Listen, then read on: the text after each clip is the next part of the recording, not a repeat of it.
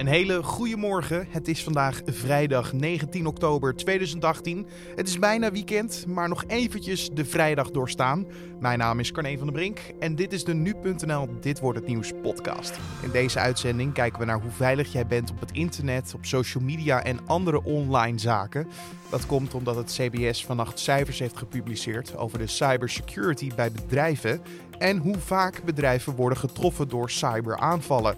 Maar hoe veilig zijn wij wel? Uh, daarnaast denk ik ook dat heel veel mensen denken van, nou weet je, ik heb of niks te verbergen, wat ik al zei, of meer van, ja weet je, dat overkomt mij toch niet. Ik ben helemaal niet zo interessant. Waarom zou iemand mij willen hacken? En verder praten we over de eerste Europese ruimtemissie naar Mercurius. De Bepi Colombo missie bestaat uit twee satellieten die de meest uitgebreide informatie over Mercurius ooit moet gaan verschaffen.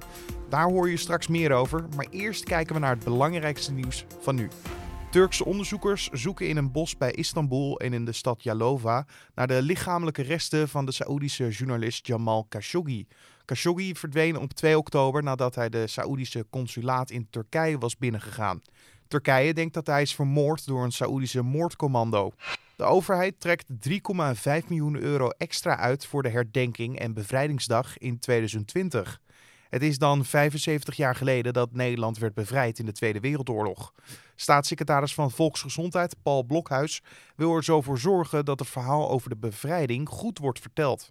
Het UMC in Maastricht heeft vrouwen die kunstmatige borsten hebben na een operatie weer gevoel in hun borsten gegeven.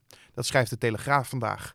De chirurgen gebruiken een zenuw uit de buik, waarna het gevoel langzaam weer terugkeert. Sommige patiënten voelden zelfs de tatoeagenaald waarmee de nieuwe tepel werd getekend. Het boek De 50 mooiste, beste en meest inspirerende Nederlandse toespraken, samengesteld door Denise Paraguan, is uit de handel genomen.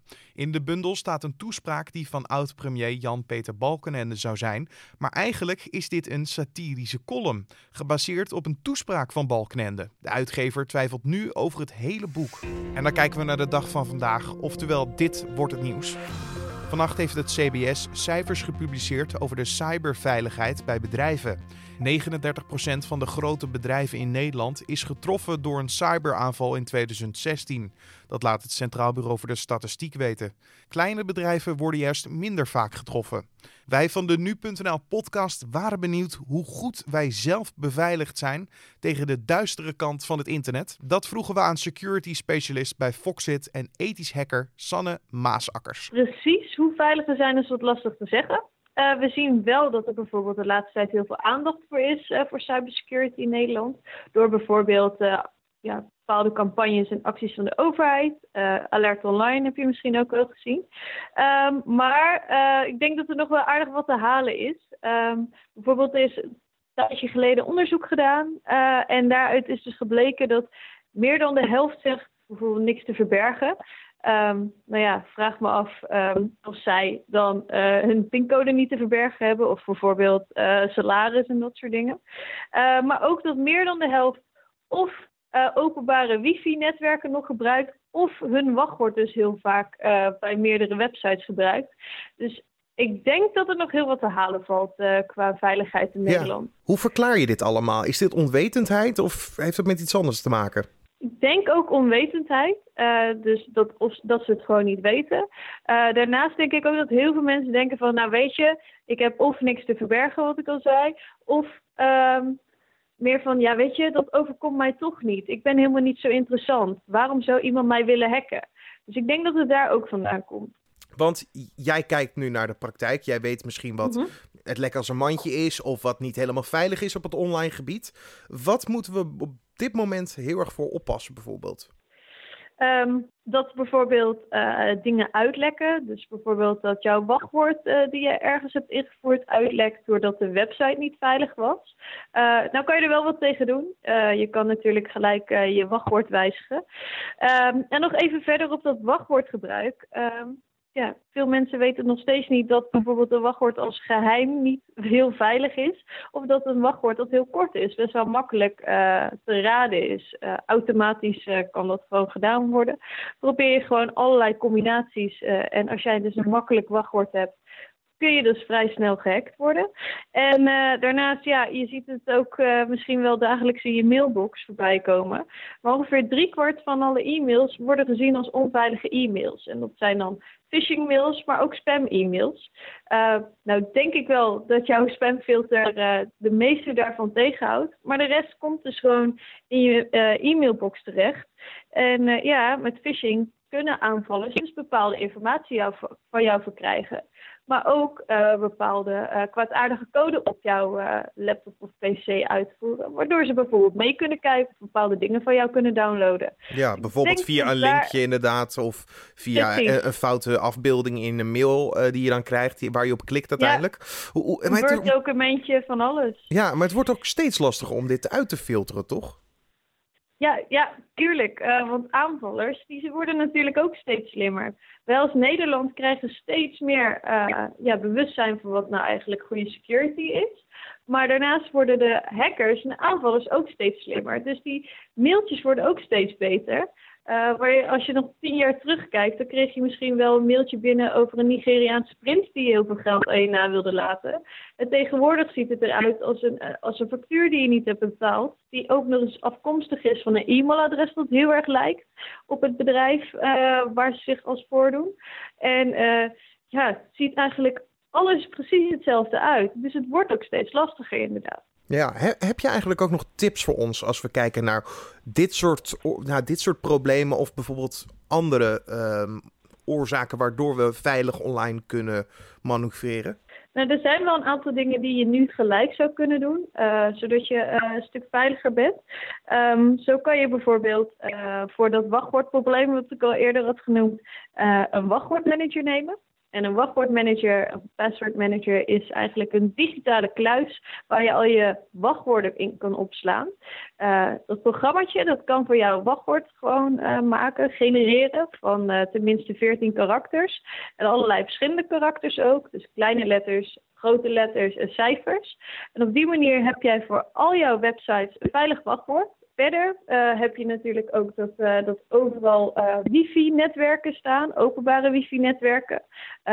wat ik al had genoemd, meer dan de helft maakt daar regelmatig gebruik van.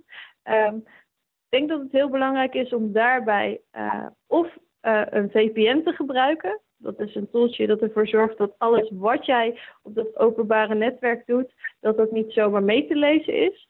Of dat jij bijvoorbeeld helemaal niet op uh, bepaalde websites komt als je op zo'n openbaar wifi-netwerk zit. Uh, dus dat je bijvoorbeeld niet je bankgegevens gaat opvragen, of dat je niet gaat inloggen bij een sociaal netwerk. Dus dat je daar ook heel goed op let.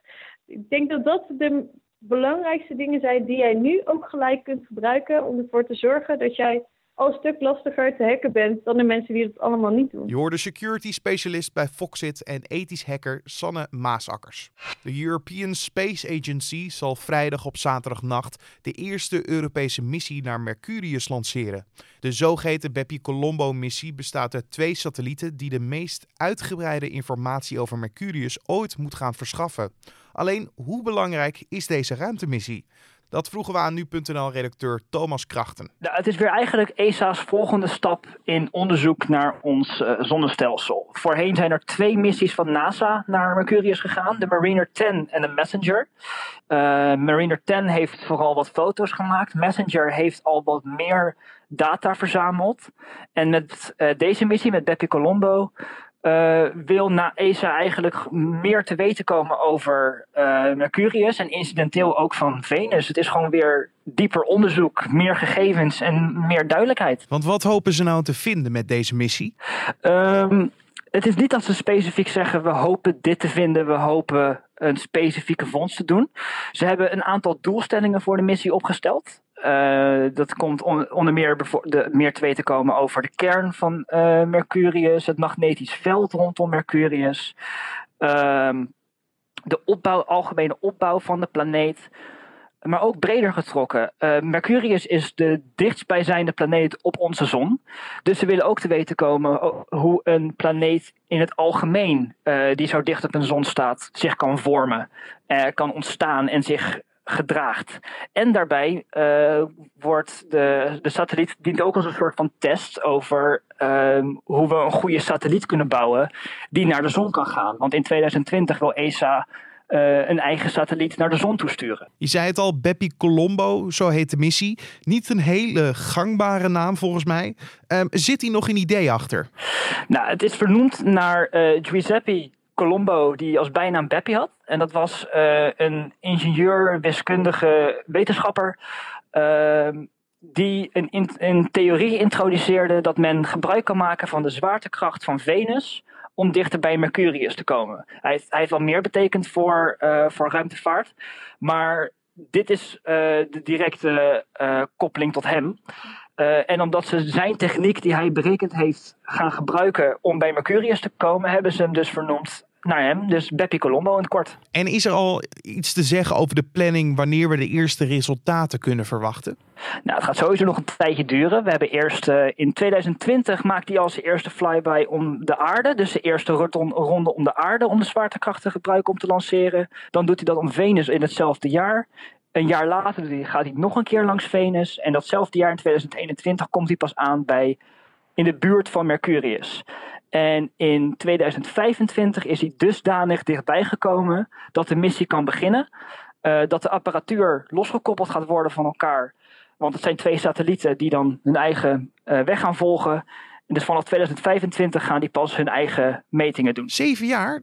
Dat is nog best lang. Dat duurt zeker lang, maar uh, heel veel van dit soort missies duren al een tijd. Beppe Columbus staat ook al jaren op de planning.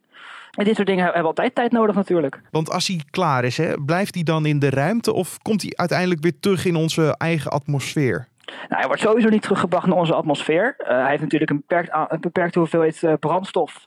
En uiteindelijk brengen ze hem dus in een ronde om, om Mercurius. Ehm, dus sowieso zal er niet genoeg brand zijn om weer terug te brengen. En het is ook in principe niet nodig. Want die, ze hebben gewoon contact met de planeet, met de satelliet die blijft, dat blijft gewoon constant een dataverkeer uh, omhoog houden. En wanneer die klaar is, wanneer de brandstof voorbij is, ik kan je niet vertellen wat ze precies met Bepi Colombo gaat doen, maar wat bijvoorbeeld met Messenger gebeurde toen hij uh, klaar was met zijn missie rond de Mercurius, hebben ze het laatste beetje brandstof gebruikt om hem gewoon recht op, de, op het oppervlak van de planeet te storten en hem gewoon te vernietigen. Oh, gezellig. Ja, je hebt, je, ze hebben hem niet meer nodig. En uh, een momenteel probleem wat we ook rond de aarde hebben is uh, ja, ruimteafval eigenlijk. Dus gewoon uh, uitgebrande, klaar, buiten gebruik zijnde satellieten die nog op onze planeet heen draaien. Ehm, dat is best wel een probleem. Maar ja, als we die nog verder in, de, in, de, in het universum gaan verspreiden, ja, kan je ze beter gewoon meteen een einde eraan maken voordat ze, dat, uh, voordat ze een gevaar gaan vormen. Je hoorde nu.nl-redacteur Thomas Krachten. De regio's Midden en Noord beginnen vandaag aan hun week herfstvakantie. Daarom verwacht de ANWB een drukke avondspits. De eerste files zullen al rond 1 uur ontstaan en de ANWB denkt dat de verkeersproblemen na 7 uur zijn opgelost.